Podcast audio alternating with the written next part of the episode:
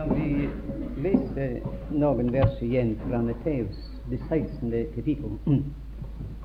Det 16. kapittel i Matteus, og det, det 13. vers igjen. Men da Jesus var kommet til landet ved Cesarea Felitte, spurte han sine disipler og sa:" Hvem sier folk at menneskesønnen er? Sa noen sier døperen Johannes, andre Elias, andre igjen Jeremias eller en av profetene. Men da han sa til dem, men I, hvem sier I at jeg er? Jeg leser disse vers i dag igjen fordi her har vi grunnvollen til alt. Grunnvollen til alt, all vår frelse og vår evige salighet og evige lykke. Altså, vi har grunnvollen i, i svaret som Gud gav gjennom Peter til dette spørsmål. Altså, hvem sier at uh, Hvem er jeg? Altså, hvem er denne menneskesønn? Det er, det er grunnvollen til alt som jeg sa, alt som vi har av frelse og evig salighet. Det er denne menneskesønn, mine venner, om hvem vi leser at han skulle sitte ved kraftens høyre hånd, og han skulle komme i himmelens skyer.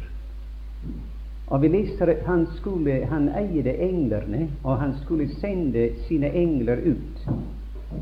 Og vi leser om, om ham også. Han sa 'Jeg er Menneskesønnen er herre over sabbaten. Og medens profeterne kom, og apostler kom for å forkynne oss veien til frelse, han kom for å søke og frelse det som er fortapt. Til menneskesønnen er kommet, sa han, for å søke og frelse det som er fortapt. Og jeg antar at om vi alle her i dag om ingen av oss hadde hørt, for eksempel, eller ingen av eder hadde hørt om den Herre Jesus før, og ingen av dere hadde hørt om disse sannheter som jeg nå har nevnt, om menneskesønnen, disse vidunderlige ting, herlige ting som er nevnt om ham, og det er over, over 70 ganger at han er nevnt med den tittel i de fire evangelier. Men om jeg spurte, leste den og spurte eder hvem da kan denne personen være som heter menneskesønn? Og dere hadde aldri hørt om ham før.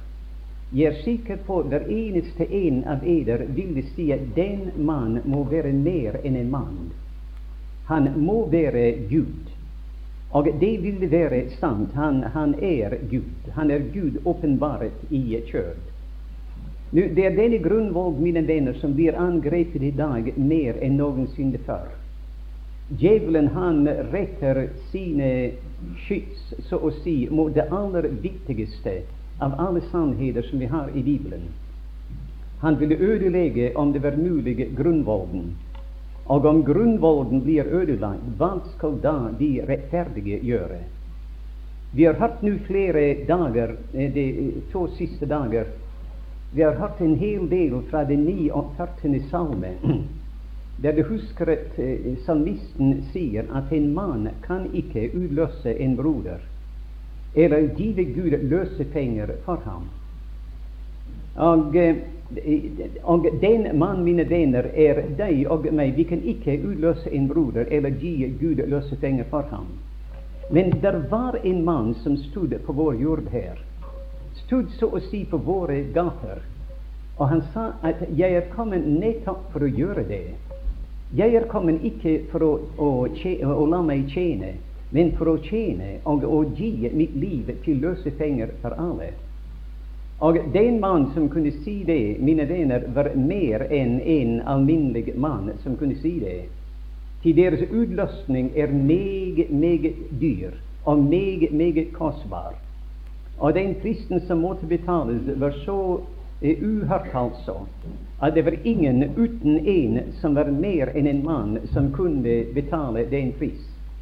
Den mann som skulle utløse oss og betale løsepenger for oss, var mannen som Job talte om, f.eks. i det niende kapittel. av Jobs bok, der taler han om det. I det åttende kapittel da sa Bildad, en av Jobs eh, trøstere, eller Jobs venner Bildad sa til Job at Gud forkaster ikke en rettferdig. Og Job svarte ham og sa sannelig, jeg vet det er så, men hvor er den rettferdige? Og Han sier med andre ord altså jeg er ikke den rettferdige. Og han sier om jeg skulle gå i rette med Gud, da kunne jeg ikke svare ham til ett av tusener, sier han. Og om det ikke hjalp å gå i rette med Gud, da han ikke kunne svare til ett av tusener, lenger ned i kapitlet sier han om jeg skulle rettferdiggjøre meg selv, sier han, da ville min egen munn domfelle meg. Og det, det gikk heller ikke. Og lenger ned i kapitlet sier han om jeg glemmer det hele, om jeg glemmer min kummer, og jeg lar mitt ansikt se glad ut, ah, sa Job, da skulle jeg grue for alle mine smerter. Det hjelper ingenting. Og enda lenger ned sier han om jeg skulle tvette meg i sne, om jeg skulle gå på toppen og vise religionsbjerget og ta det reneste vann som det er, og forandre mitt liv og, og vende over nye blader dag etter dag. Og om jeg skulle en dag bruke lukt og vaske, rense mine hender i lukt Han sa du ville kaste meg i en grøft, og mine egne klær ville vende ved meg. Nei, sier Job i sin fortvilelse, det jeg trenger, er en mann. Men ikke en alminnelig mann. Men jeg trenger en, en voldgiftsmann en som kunne legge sin hånd på oss begge. Som kunne legge den ene hånd på Gud og på Hans trone, og den andre hånd på meg. Og den, mine venner, som kan, kan legge sin hånd på Gud og Guds trone, den, den personen er Gud. Og den som kan legge sin hånd på meg og kjenner meg, den må være et menneske. Den som legger sin hånd på Guds trone, kjenner alle Guds krav. Og den som legger sin hånd på meg, kjenner min skyld og min alt som, som bor i meg. Og det var det Job lengtet etter. Men mine venner, Job kjente ikke til ham. Han visste det er en sånn mann jeg trenger. En voldgift giftsmann som er mellom Gud og meg. Men det var ingen, ingen den gangen som kunne gjøre som Job ønsket. Vi vet, mine venner, at Paulus roper tilbake så å si til kjære Job og sier Job, det som du lengtet etter, og det som du ønsket den gangen, det som du visste var nødvendig, det har vi funnet. Til det er én Gud og én mellommann mellom Gud og mennesker, mennesket Kristus Jesus. Han er imellom oss. Og han har den ene hånd på Guds trone. Til han kjente, mine venner, alle Guds krav. Hvem kunne kjenne Guds krav uten Gud selv? Hvem kjenner Guds natur uten Gud selv? Og hvem kjenner dybden av mitt behov og mine sønner uten, uten et menneske? Et me han må være et menneske som, uh, som, kan forstå det. Og det er det vi har i den velsignede Herre Jesus. Han, mine venner, var denne voldgiftsmannen som var imellom oss, og har lagt sin hånd på oss begge, og kunne betale, kunne betale det løsepenger som Gud forlangte for å utløse deg og meg her i denne verden. Mine venner, det er den menneskesønn som vi leser om her. Han var Gud over alle ting, velsignet evinnelig. Og om den grunnvoll kan bli ødelagt, da er det ikke frelse for verken deg eller meg som er her i dag. Og da det er én ting i forbindelse med hans person her som vi leser i de fire evangelier, at hvorfor Hvorfor, da han var et menneske her nede, hvorfor, om han ikke var Gud da han var her nede, tok han imot tilbedelse? Hvorfor fikk han tilbedelse, og han tok imot tilbedelse igjen da han kom til denne verden? Det gråtende barn i Betlehem ble tilbedt, det ofret tilbedelse til ham da han var et gråtende, en gråtende barn i Betlehem. Og da, da, når vi går igjennom evangeliene, finner vi at gang for gang får han tilbedelse. Den blinde mann, du husker, den blinde mann som fikk sitt syn i Johannes 9, og han falt ned for ham. Og ordet der er at han tilbad ham. Men den Herre Jesus sa ikke til ham, du min venn, du må passe deg for det du gjør. Han tok imot denne tilbedelse. Og hele veien igjennom sitt liv her nede, og som oppstanden fra de døde, når kjerne tvilende Thomas eh, sa den gangen aldeles standeknust på den andre første dag i uken etter Kristi oppstandelse, og han sa 'Min Herre og min Gud'. Nå, Herren, mine venner, hadde det vært en engel i himmelen, han ville ha vært forferdet. Om, om da Johannes prøvde å falle ned og tilbede en engel, han sa 'var deg for det'. Jeg er bare en tjener som du er. Men Jesus tok imot det, og tok imot det med rette. Han var Herre, og han var Gud.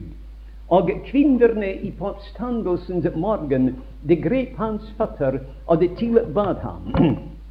Og da, når vi, vi leser det første kapittel i det første kapittel i Hebreerbrevet, vi leser der at når Gud bringer den førstefødte inn i verden igjen Du vet, første gang han kom til denne verden, han kom som den enbårne sønn. Vi leser at Gud så elsket verden at han ga sin sønn den enbårne. Men når han kommer den andre gang inn i verden, kommer han som den førstefødte av de døde. Og når Gud fører ham den andre gang, den første fødte inn i verden, da sier han alle Guds skal tilbede ham. Nå, om ikke Kristus, mine venner, er Gud, til Gud alene skal du tilbede, da oppfordrer Gud hele himmelens herskarer til å være avgudsdyrkere. Til han sier ham skal du tilbede. Og Kristus, mine venner, som kom inn i denne verden som et barn, levde igjennom denne verden, og siden gikk ut av denne verden igjen og kom inn igjen, hele veien får han tilbedelse. Og når vi åpner en bok som Åpenbaringen, det fjerde og femte kapittel, og utover, og vi finner der du og jeg blir iblant dem For jeg tror vi er alle sammen troende her i dag, og vi blir iblant den skare. Bare tenk for et øyeblikk. Vi skal ikke se inn i hverandres ansikter da. Vi skal bare ha øyne for én person, og det blir Kristus. Og vi skal falle ned for ham da. Engler skal tilbede ham. I det femte kapittel i åpenbaringen jeg, jeg, tenker ofte på det kapittel som f.eks. når vi går over en bro en, en tidlig høstaften, og der sjøen eller elven under oss er blikkstille, og vi kan se ned og der og se vårt eget ansikt i det speil. Og vi tar en liten stein og vi kaster i elven, eller i, i sjøen. Og der kommer sirkler, og det stanser ikke før vi de når alle bredder til den innsjø eller den sjø. Det er hva vi finner i det femte kapittel i åpenbaringen. Der plutselig åpenbarte lammet seg. Det var Den eneste gang det var tårer i himmelen, var i åpenbaringen fem. Og det var unødvendige tårer. Til han som satt på tronen, satt med en bok i sin hånd. Det var, det var eh, eh, altså boken eiendomsrett. Eh, hvem, hvem, har rett til å innta eiendommen? Det var ikke dommens bok, altså. Men det var boken, det var skjødet på eiendommen. Men hvem har rett til å komme frem og kreve den? Det var ingen i himmelen eller på jorden eller under jorden som kunne gjøre det. Men da steg lammet frem, og med rette, mine venner, fikk han det. Og der midt mellom tronen og de fire livsvesener og de 24 eldste da han åpenbarte seg for hele himmelens herskarer, plutselig begynte sangen der nærmest tronen. Og det utvidet seg og utvidet seg. Og det stanser ikke før alt som er i himmelen oppe i jorden og under jorden, hver eneste munn gav ham tilbedelse og lov og pris. Det, mine venner, er hva Gud elskede sannhet er. Han som han spurte om hvem sier mennesker jeg er. Men det var ikke noe menneske som kunne tolke det. Men det kom en åpenbarelse fra himmelen. Og åpenbarelsen var der, der Kristus, den levende Guds sønn. Altså menneskesønnen er, er også Guds sønn. Og la meg si idet jeg går forbi det her, at man kunne si ja, naturligvis, det kan jeg forstå. Jeg kan forstå på en måte, eller tro på en måte, at når han sitter der på tronen, at han får tilbedelse. Når han sitter på tronen, at Gud erkjenner ham som Gud, at han er Gud. Men da han var her nede, Det har jeg meget vanskelig, sier kanskje, sier mennesker i dag. De sier han var bare et menneske, et alminnelig menneske. Men jeg skal si mine venner, at det, den salmen, eller de ord som ble sitert Bjørkrein leste det forleden dag, fra hebreerne, det første kapittel, at du er den som i begynnelsen la verdens rundvoll, og himmelen er dine henders eh, verk. De skal forgå, men du er den samme. Og du skal rulle den sammen som en kåpe, og, og de skal forandres. Men du er den samme, og dine år skal ikke få ende. Vet dere når disse ord ble talt? Disse ord er tatt fra den hundre og andre salme. Og om du leser det overskriften over den hundre og andre salme skulle finne, overskriften er en, en bønn av en elendig som vannsmekter, når han utøser sin sorg for Herrens åsyn. Hvor var det, mine venner, at han vansmektet? Hvor var han i ditt elendighet og utøste sin bønn, sin sorg for Herrens åsyn? Det var den uforglemmelige natt som vi synger om. Hin time i Getsemane jeg aldri glemme skal. Vi vet at det er korsets salmer som det ble lest fra nå i disse dager. Den 22. salme og den 69. salme og andre salmer. Det er korsets salmer. Det er rikets salmer, som vi leser den 45. Det, der sier salmist mitt hjerte strømmer over av liflige ord, eller koker over som ordet er, av liflige ord. Jeg taler om de ting jeg har diktet angående en konge. Og da bryter han ut. Du er deiligere enn menneskenes barn. Livssalighet er utgitt på dine lever. Og han, han beskriver kongen der i sin herlighet. Altså, det er rikets salmer. Og det er korsets salmer. Og det er salmer som taler om Kristi liv her nede, slik som den 16. salme, der han sier, begynner med å si at 'Bevar meg, å Gud, til jeg tar min tilflukt til deg'.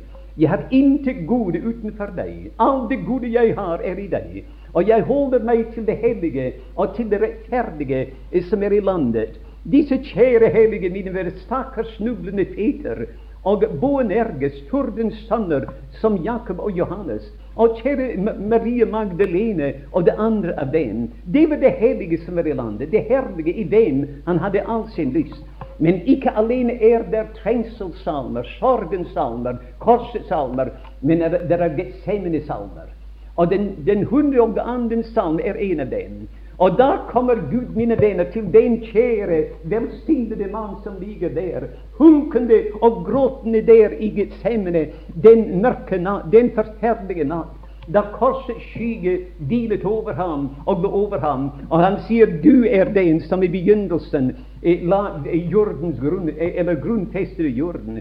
'Du er den som skapte himmelen.' 'Du er den samme.' De skal forandre seg, og alt sammen forsvinne, men det er ingen forandring hos deg. Og mine venner, ikke alene i Getsemane, men da han hang der på Golgates kors, da leser vi i det 13. kapittel i profeten i Sakarias han, Gud sier opp sverdet imot min hyrde, mot mannen som er min neste. Slå hyrden, så at fårene kan adspredes. Hvem, hvem, talte disse ord? Det var Gud som talte dem. Hvem talte han dem til? Hvem var hans neste? Ordet 'neste' her er ikke akkurat uh, nøyaktig.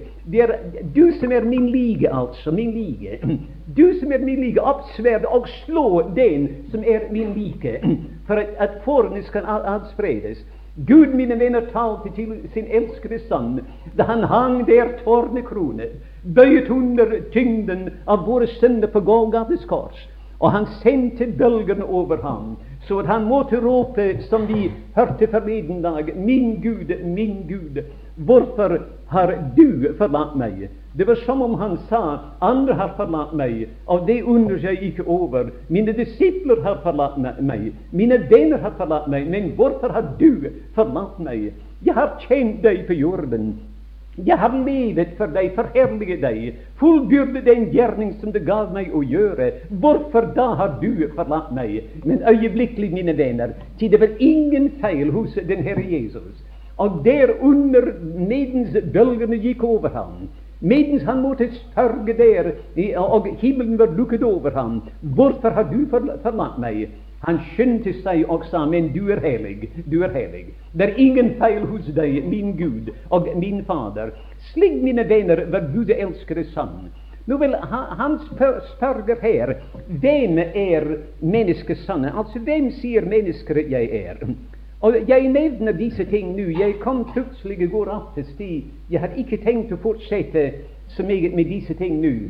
Men jeg, når jeg tenker på den den tilstand som er rundt omkring oss nå i, i, Norges land, og rundt omkring oss her i, på Karmøy, og den satanisk villfarelse som er kommet inn, og noen blir Noen snubler over det og tar imot det. Andre som sagt, de står tvilende og spørgende. Mine venner, det som vi trenger til å gjøre, er å gå tilbake til grunnvollen og gå omkring staden og se dens tårner og undersøke dens grunnvoll og se hvor vidunderlig sterk den er bygget. Og det, mine venner, denne personen, han ikke et menneske. Forresten, disse som jeg hentyder til nå, som alle kjenner til, de sier at Kristus er verken Gud eller menneske. Han var aldri Gud, han var bare et menneske her nede. Han er utslettet nå. Mennesket Kristus Jesus er utslettet og eksisterer ikke. Så vi har, verken, vi har ingen frelser i dag. Nå vel, Denne frelser, mine venner, som jeg taler om, Gud elskede Sønn altså, Vi har fulgt ham nå til at han hang på korset. Men hvor får vi beviset for at alt det er tilfellet? Det er ikke, det er ikke bare ord. Jeg skal si dere hvor vi får beviset for at det er tilfellet.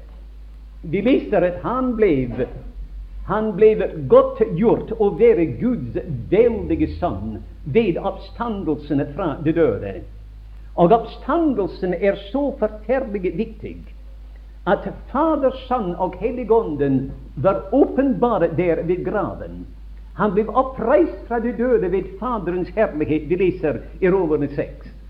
Og han ble levendegjort ved, ved Ånden, leser vi i 1. Peter 3. Og da sier han, ødelegg dette tempel, sier han, og om tre dager skal jeg oppreise det. Fader, Sønn og Helligånden var der. Og la meg si til oss alle sammen, mine venner her i dag, at er det sant som blir forkynt i dag, at Kristus ikke er oppstanden, da er ikke en av oss som sitter under det taket i dag, det er ikke en av oss er frelst. Og alle våre kjære venner som er faren fra oss troende på den Herre Jesus, alle sammen av dem er fortapte. Det fins ingen frelst. Ikke en eneste ene kan bli frelst. Apostelen gjør det klart fra det 15. kapittel i første Grintier. Han sier der at om ikke Kristus er oppstanden, da er vi det elendigste av alle mennesker. Og da er vi det, det, det hensovne i Kristus fortalt. Det er et vers i det kapittelet, og det er nettopp det apostelen hentyder til. altså I begynnelsen av 1. Eh, Grintier 15 det er et vers der, eller et ord der som har plaget mange kjære troende, og kanskje plager en del som er her i dag. Der, der står der at eh, apostelen sier der at jeg forkynte eder evangeliet, og det det er i fremste, så sant de ikke forgjeves er kommet til troen. Nå det er mange troende, og jeg tror jeg har truffet en, en del av dem. jeg har truffet en del av dem og de, de sier at uh, altså de, de, de, sier somme tider tenker jeg, somme tider er jeg redd for at jeg er allikevel en av dem som tror evangeliet forgjeves. Og de, disse kjære troende går og de tenker mon jeg har tatt feil, eller mon jeg er en av dem som tror evangeliet forgjeves, og jeg går og tror og bare bedrager meg selv. La meg si til oss alle sammen, mine venner, at det er simpelthen umulig simpelthen umulig for noen å tro evangeliet forgjeves. Det er ikke det apostelen mener der. Man kan ikke tro evangeliet forgjeves. Men hva apostelen sier til disse kjære korinter, er at om det er sant som deres falske lærere sier, at Kristus ikke er oppstanden, da er eders tro forgjeves. Men så sant Kristus er oppstanden fra de døde, da er det ikke noe menneske som tror eller kan tro evangeliet forgjeves. Men, sier apostelen, om det er sant som I lærer, om det er tilfelle at Kristus ikke er oppstanden fra de døde, da er eders tro forgjeves. Men da sier han, mine venner, med et jublende hjerte, men nå er Kristus oppstanden. Å, salige stund uten like. Han lever, han lever ennå. Det er en sannhet, mine venner. Vi aner ikke den kraft. Hvorfor er det vekkelser over hele verden? Hvorfor er det at de kjære hedningerne som for, noen, for mange år tilbake forresten de kjente ingenting til Gud. I Sydhavsørene de levde bare ved å krige med hverandre og drepe hverandre, og det var menneskeedere. Storbritannia prøvde alt for å, å kue dem og hjelpe dem med våpenmakt. Det hjalp ingenting. Det var en mann, mine venner, som reiste til den. Han hadde en bok med seg. Han forkynte en oppstanden, ikke en døde frelser, men en oppstanden levende frelser. Og om en liten stund ble hele Sydhavsørene forandret. Hudson til å reise til Kina på, på samme måte. Og der ble tusener og kanskje millioner av kineserne forandret og forvandlet og ble troende. Og vi kunne gå over nesten hver eneste del av verden på samme måte. Hva er det, mine venner? Hvor er kraften? Hvor ligger kraften? Når ikke våpenmakt kunne gjøre det, når ikke bestemmelser kunne gjøre det, og når vi ikke kan gjøre det ved å prøve vår egen kraft, hvor er kraften da som tilveiebringer det? Hvorfor er mennesker som lå i rennestenen der som drankere, og når ingenting kunne hjelpe dem, evangeliet kom og, og hjalp dem. Evangeliet kom, mine venner, en oppstanden Herre Jesus. Kristus oppstanden fra de døde. Han lever, han lever ennå. Det, det er grunnvolden, mine venner, til vår frelse. Og det er grunnvolden til det løftet som den andre av disse tre løfter som vi eh, leste om at på denne klippet til han spurte, han spurte disiplene men i, hvem sier I jeg er? Og da sa Peter, du er Kristus, den levende Guds sønn. Vel, sa Herren, han sa, salig er du, Simon, Jonas' sønn. Til den, den, delen av lærdom Jeg jeg liker ikke ordet teologi. Jeg, jeg, jeg tror ikke. Til det ord, mine venner, bringer kristendommen ned til en vitenskap geologi og astronomi og teologi og slike ting. Det er ikke en vitenskap. Det er en guddommelig åpenbarelse. Salig er du, Simon Jonas' sønn. Til kjød og blod har ikke åpenbart deg det, men min Fader som er i himmelen. Det er en direkte åpenbarelse fra min Fader som er i himmelen. Og sier han, på denne klippet, der, der er fundamentet, der er grunnvollen, på denne klippet, at jeg er den levende Guds sønn. Den levende Gud er Guds oppstandelsestittel. Den levende Guds sønn er Kristus oppstandende fra de døde. Og på denne klippet vil jeg bygge min menighet. Nå, I går tror jeg det var vi nevnte noen få ord om, om, det, om menigheten som Kristi legeme. Og vi så at Kristi legeme, menigheten, som er hans legeme, var hans fylde. Just som rosen, altså, når det er helt utviklet, åpenbarer all den skjønnhet som, og fullkommenhet som er i den deilige rose eller blomst. Eller mine venner, som vi nevnte, når Jerusalem, Guds stad, er åpenbaret. Når den dagen kommer at den åpenbarelse som Johannes fikk, da engelen sa til ham, 'Kom, og jeg skal vise deg bruden, lammets hustru', og han tok ham til et høyt bjerg i ånden. Du og jeg, mine venner, burde ofte være der. Han gikk der i ånden. Hvorfor kan ikke vi være der ved siden av Johannes? Når vi står der i ånden på dette høye bjerg, og vi ser tilbake, og vi ser årtusener av tårer og sorg og elendighet i denne verden her, og død og grav i denne verden Men når vi vender oss og ser inn i fremtiden, da ser vi en morgen uten skyer, som den klarskinnende etter regn. Vi ser en stad, og den stad vi leser, har Guds herlighet. Det er den første ting som er skrevet om den, eller sagt om den. Nå vel, den stad er Kristi fylde. Den åpenbare, altså det tar den stad. Og den stad, mine venner, er ikke bare 12 000 stader den veien, og den veien og den veien, men den veien også. Det er en firkant. Og de, den staden åpenbarer hele den fylde av herlighet som der bor i Kristus. Og he, alle de universer som er rundt omkring oss, skal se det, og det skal beundre den skjønnhet som bor i ham. Men han tar deg og meg opp, mine venner. Og jeg tenker som i tider, og jeg sier i tider til mine venner, om det er hva vi skal være når den dagen kommer, det er hva vi burde være i dag. Jeg burde ha mine øyne på det i dag, og da si om det er hva jeg skal være, da Gud hjelper meg til å være det nå. Det burde være en mur rundt omkring meg nå som, som taler om adskillelse fra alt som er urent. Det burde være Gud, en gul gate under mine føtter. Nå vel, men i dag, mine venner, jeg hadde tenkt bare for noen minutter å nevne ti Det er fire måter at menigheten er nevnt i Det nye testamentet. Vi er Kristi legeme, det er den ene måten. Vi er, vi er huset. Ti sier apostelen til Timotius om jeg tøver med å komme, eller venter med å komme, at du skal vite hvorledes man bør ferde til Guds hus, som er den levende Guds menighet, sannhetens bautastein, som det, det, det, virkelig er, og, og grunnvoll. Altså, når verden spør hvor er sannheten, hvordan kan jeg forstå sannheten, hvor skal jeg se det? Du, jeg burde kunne si der menigheten er en åpenbarelse av det. Og det er hva menigheten er, eller burde være. Nå, den, den tredje ting er at Guds menighet er også en lysestake. Vi lyser her i nattens mørke, i verdens mørke. Men Guds menighet er også, mine venner, menigheten er Kristi brud. Bruden her nede. Som vi leser om det i eh, det femte kapittel i, eh, i, i Efeserbrevet.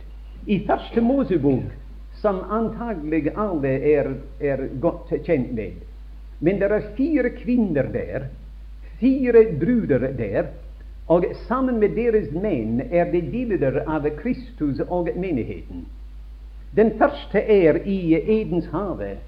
Du husker hvordan det var med, med, Adam. Han ble skapt.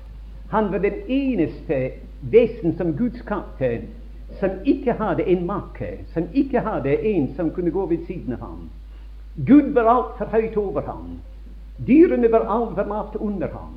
Og han var en meget begavet mann. Meget begavet. Hans begavelser er tatt for lenge siden. Det meste av dem, iallfall.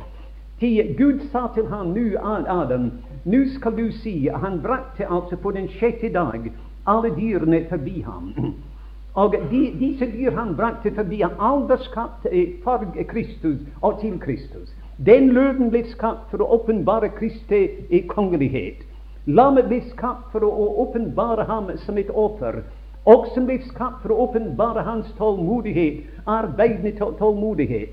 Og alt sammen ble ført forbi Adam, den første Adam. Og Han sa der er en løve, og han gav det sitt navn. Han gav tigeren sitt navn, og lammet, og tok ikke feil, altså. Men ut av alle disse som ble skapt, disse dyr, der fantes ingen som kunne gå ved siden av Adam. Gud var høyt over ham, dyrene var lavt under ham, og der var han alene. Men da sov han, mine venner, den siste, den sjette natt. Han sov den dype søvn, og hans hjerteblod rant. Til Gud åpnet hans side, og blodet rant. Og ut av den blødende side tok han et ribben, og han bygde ham. Bygde altså, ikke skapte, men bygget ham en, en hustru. Og han kalte, eller Adam kalte han, hennes navn for Eva. Han sa nå er det endelig en som er kjød av mitt kjød og ben mitt ben.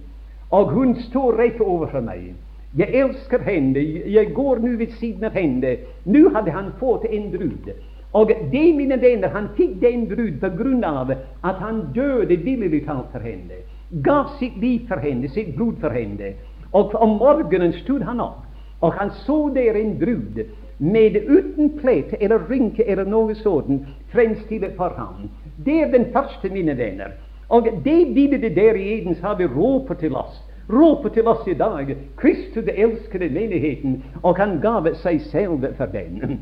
Den andre disse bruder er det vi leser Du husker at, eh, at eh, Isak, eller Abraham, rett sendte sin tjener til Mesopotamien for å hente en brud. Han skulle finne en der og hente henne. Altså, denne, eh, altså en brud for den hjemmeværende sønn. Eller det, jeg liker ikke det uttrykk, men for sønnen, den sønn som var i faderhuset. Den sann, mine venner, som hadde vært under kniven på morges fjerd og lå der.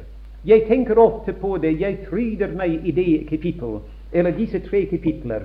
Det er 22. til 24. kapitler. Det er vidunderlige kapitler, mine venner. I det 22. første gang kjærligheten er nevnt i Bibelen, er i det kapittel. Og det var Faderen som elsket sin enbårne sønn. Ta din sønn, din eneste, som du elsker. Den neste gang at kjærlighet er nevnt i Bibelen, er i det 24. kapittel, og det er sønnen som elsker sin brud. Uh, Isak uh, tok henne inn i Saras telt, altså Israels telt, og hun inntok Israels plass, så å si, Saras plass, og han, hun fylte Isaks hjerte med glede. Det er den andre disse, og det er kanskje det mest fullstendige bildet vi har av, av Kristi brud i, i Bibelen. Denne tjener gikk til det land som var langt borte, hentet henne over, over hele ørkenen. Hun, hun, det er tre skritt i hennes forening med, med uh, Isak. Den første var hun, Isak fikk en plass. Han bodde i hennes hjerte ved tro. Hun hadde aldri sett ham, men hun elsket ham. Og fikk han fikk en plass i hennes hjerte ved tro. Den andre, det andre skritt var hun gikk hele veien nærmere og nærmere inn i disse vidunderlige ting. Høyden, bredden og lengden, dybden og høyden av det som tilhørte ham. Og den tredje var hun gikk inn i Saras telt, og han elsket henne. Og hun kjente hans kjærlighet. Og han elsket henne av hele sitt hjerte. Det er den anden av disse bruder. Hun ble funnet. Hun ble søkt etter og funnet. Den tredje som vi finner, er i, det var Jakob gikk ned til, eh, til eh, Mesopotamien, tilbake til sin morbror der. Og han arbeidet syv år der for Rakel. Rakel var skjønn av skapning de leser. Og han arbeidet syv år der for Rakel. Men mine venner, da de syv år var ferdig, da fikk han ikke Rakel, men han fikk Lea. Jesus kom her til denne verden og han arbeidet for å få Israel. Men da han var ferdig med å arbeide, sa han i det 49. kapittel i profeten Isaias Han sier forgjeves har jeg arbeidet og forspilt min kraft. Men Gud sa til ham der i det kapittelet det er forring, en forringet sak for deg at du får Israel. Jeg skal gi deg, til et lys for sier, sier han. Og han fikk ikke Rakel den gangen, men han fikk Lea. Han fikk Rachel senere, altså. Det gjorde han. Og Kristus mine venner arbeidet for å få Rachel, Israel her. Men han fikk ikke Israel. Men han fikk Lea, han fikk menigheten. Men altså Hedningene var ikke skjønn. Det var noe skjønn i Israel. Det var atskilt fra hedningers urenhet. Det var noe skjønn i dem. De hadde lært den levende Gud å kjenne. Medens hedningene, mine venner, var den motsatte. Vi var i, altså Lea, og han fikk Lea istedenfor Rakel. Men der kommer en dag når han skal få sin Rakel. Og hun skal opprettes, mine venner, om det var 10 000 millioner naser i verden i, i, i dag. Det kunne aldri utslette Israel. Aldri få dem ut av sitt land, altså endelig. Israel skal adspredes en gang til, men det, ikke nå, altså. Men Israel, mine venner, skal få sitt land. Det skal gjenopprettes der. Det blir en glede for himmelen da. Det blir en fryd for Guds sønn da, når den dagen kommer. Nå, Den fjerde av disse druder er, da Josef Du husker Josef? Han, han var eh, Eh, han var i fengselet i Egypten, og han kom mellom to røvere, iallfall to forbrytere. Den ene forbryter ble sendt til galgen, den andre ble sendt til paradis, eller til slottet iallfall. Og eh, Josef gikk til tronen. Og da han kom til tronen, da fikk han et nytt navn. Og om du leser i den norske bibel, skal du finne at det nye navnet som han fikk der, altså nevnt Zopnat Panea, det betyr verdens frelser. Og verdens frelser, mine venner, han satt der på tronen, og han reddet millioner av mennesker den gangen. Men da leser vi verdens frelser døde. Han døde. Og det balsamerte ham. Og det la ham i en likkiste i Egyptens land. Og der setter Moses punktum til det kapittelet. Og om det bare hadde vært et 51. kapittel, bare det hadde vært et andre kapittel, kanskje ville verdens frelser ha kommet tilbake igjen fra de døde. Men han kom ikke, mine venner. Han ligger der fremdeles. Men det jeg skulle si, var at da han satt på den tronen der og fikk det nye navn, da fikk han en brud. Og han fikk en brud. Israel hadde forkastet ham. Hans brødre hadde forkastet ham. Solgt ham til hedningerne og, og, og hatet ham. Og nå sier Gud nå skulle få en brud iblant hedningerne. Og han, han fikk en som heter Asenet. Og hun var en glede for, for uh, Josef. Og Josef, mine venner, han, han fikk denne brud, og han fikk frukt i Egyptens land.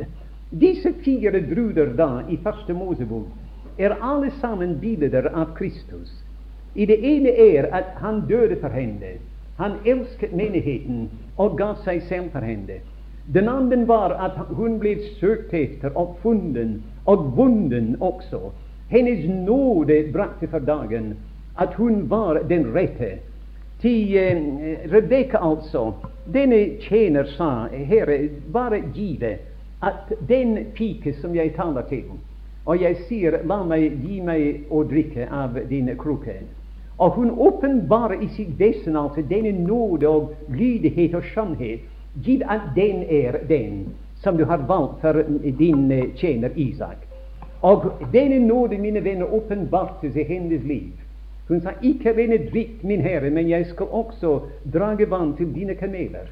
Og om en liten stund, mine venner, som disse dagene gikk, og den skjønnhet som ble åpenbart i, i, i Rebekka Det var gull der. Det var noe for ørene, noe for, for, for hodet, noe for, for legemet.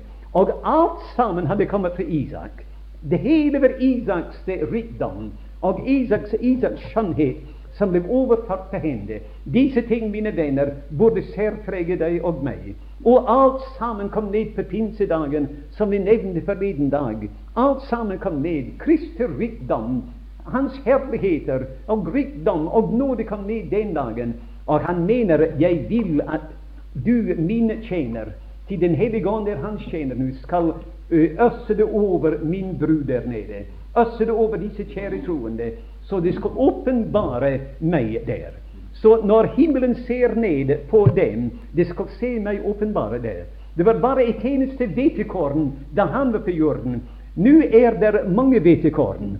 Overalt altså har vi det samme liv. Overalt i verden i dag. Himmelen, når det ser ned, det ser en åpenbarelse av Kristus. Vi leser i det verset i eh, Efeserne 2 at, at der vi leser altså om et frelsen er av nåde, men vi leser der at vi er Hans verk, skapt i Kristus Jesus til gode gjerninger. Altså, vi kom inn i Kristus ved en ny skapelse. Men vi leser i det, jeg siterer det vers for å vise eder, at, at vi er Hans verk. Kanskje en del av dere vet iallfall at ordet 'verk' der er i virkeligheten dikt. Vi hans poesi, altså hans dikt. Skapt i Kristus Jesus til gode gjerninger. Så når himmelen ser ned på oss, og det ser det troende vandre her i sannheten Det er akkurat som Jeg har aldri vært på en dans i mitt liv. Kunne aldri danse om jeg fikk betaling for det. Men jeg kan tenke meg, mine venner, at det er det her eh, som Det, det må være skjønn, altså i verdens øyne, som de ser hvordan det beveger seg. Men når himmelens herskarer ser ned på oss, mine venner, og hele himmelens herskarer ser menigheten her nede i denne verden, det ser dere aldeles vidunderlig. Vi ser alle Gud, Guds mangfoldige visdom. Hans mange farvede visdom er åpenbare der. Menigheten er Guds prisme i denne verden. Og når lyset stråler på den, det bryter himmelens lys i alle dens farver. Vi er, mine venner, hans dikt, skapt i Kristus Jesus til gode gjerninger. Men nå må jeg være ferdig. Det, det jeg skulle bare si Jeg ville gjerne få kanskje fem minutter til. At uh, vi finner den, den, tredje, eller det tredje av disse løfter som vi uh, leste. Jeg leste altså 'Jeg skal sende talsmannen Den hellige ånd'. Den andre var 'Jeg skal bygge min menighet'. Ikke jeg bygger min menighet, eller ikke jeg bygger den. Det var et løfte, altså. Jeg vil bygge den. Det begynte på pinsedagen. Og det tredje eh, løftet var jeg skal komme igjen og motta eder til meg. du La meg si, mine venner, det er mangfoldige troende i dag. Og de, de sier jeg ville meget, meget heller dø enn å oppleve Herrens komme. Jeg er så redd, så redd når Han kommer i luende ild, og det er mørke, det er torden, det er jordskjelv, forferdelige ting som kan skje og skal skje. Og Han kunne jo glemme meg. Det, mine venner, er en misforståelse. Når, når den dagen kommer, når Herren kommer for å hente deg og meg, det blir ikke noen eh, torden eller vind eller, eller ildsluer eller noe slikt. Altså, da Kristus kom første gangen det, hans, komme, hans første komme falt i to deler. Mika sier i det femte kapittel Han sier der Og du, Betlehem Frata, er ingenlunde den minste blant Israels tusener. Til at deg skal han utgå som skal være hyrde for mitt folk. Han hvis oppgang er for evige tider av. Men da, lenge etter den tiden, da talte profeten Sakarias. Og i det niende kapittel sier han, Fry deg, Jerusalem, og gled deg, til se din konge kommer, saktmodig og ydmyk og ridende på etassen og på etassens håle. Nå kanskje troende den gangen da de leser disse ting, det ville kanskje si, men har våre profeter motsier de hverandre? Her sier Mika Betlehem, og der sier Sakarias Jerusalem. Hvilken av dem har rett? Jeg vet ikke altså, men det kunne hende det var mange av dem som leste den gangen på den måten, og de tenkte kanskje er det en skrøpelighet her i det de skrev. Men da tiden kom, mine venner, han kom virkelig til Betlehem. Og han kom virkelig til Jerusalem, som, som Sakarias sa. Men det var, en, det var, nesten 40 år, iallfall 34 år, mellom disse to begivenheter. Da han kom til, eh, til Betlehem, Intet øye så ham. Og de som endelig så ham, måtte gå fra der de var, til der han var, for å møte ham og se dem. Han kom i all hemmelighet, i all stillhet, og ingen verden ventet han ikke. Men da han kom til Jerusalem, der tøyet så ham.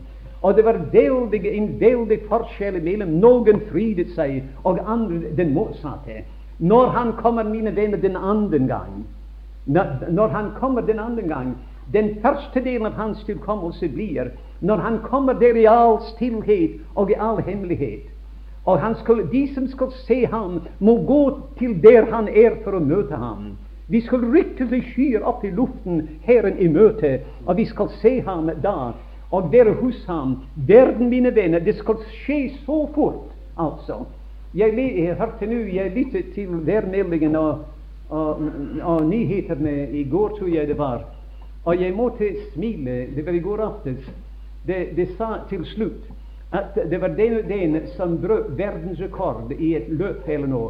Og det var niende, den niende del av et sekund bedre enn den forrige rekorden. altså. Bare tenk niende del av en sekund.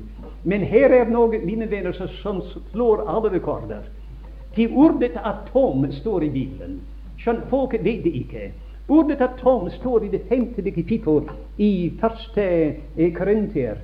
Det står der at vi skal ikke alle hen sove, det er sant, men vi skal alle forvandles. De kjære venner som sier at bare en del av Guds barn skal gå til himmelen, og den andre del tilbake her Paulus sier jeg er ikke enig med dere.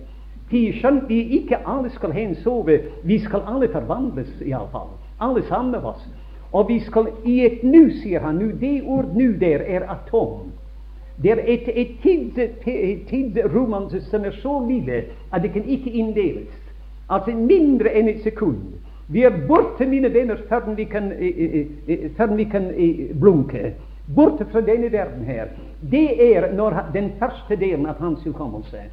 Men kanskje 34 år etter den tiden da skal han åpenbare seg, og da skal hvert øye se ham. Og alle dem som har, gjennom, eh, som har gjennomstunget ham, de skal se ham og jamre over ham. Noen blir glad, disse som han befrier der, den lille ledning i Jerusalem. Andre, mine venner, skal frykte og være full av forferdelse. Jesus kommer, mine venner, om en liten stund, kanskje før disse møter er, er forbi. Hvem, hvem vet? Han kommer meget, meget nær, og han skal rykke oss bort i et, nu, i et øyeblikk for å være med ham.